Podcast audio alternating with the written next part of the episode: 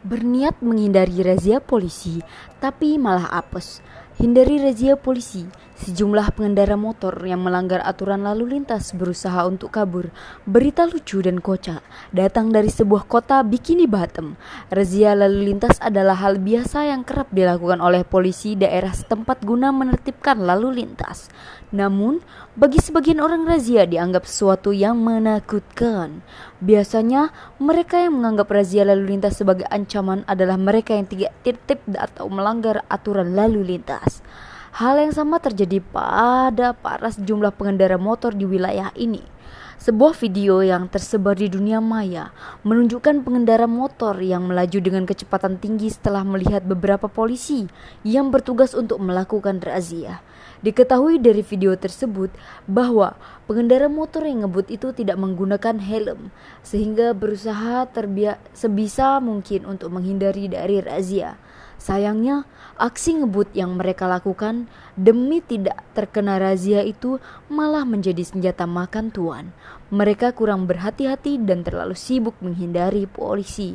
Pengemudi dan penumpang yang diboncengnya justru menabrak, sebuah mobil di depan mereka. Tentu saja, keduanya langsung jatuh tersungkur mencium aspal yang tidak tahu apa-apa. Naas berniat menghindari polisi, kejadian tersebut justru membuat mereka didatangin oleh polisi untuk diminta keterangan dan juga ditilang.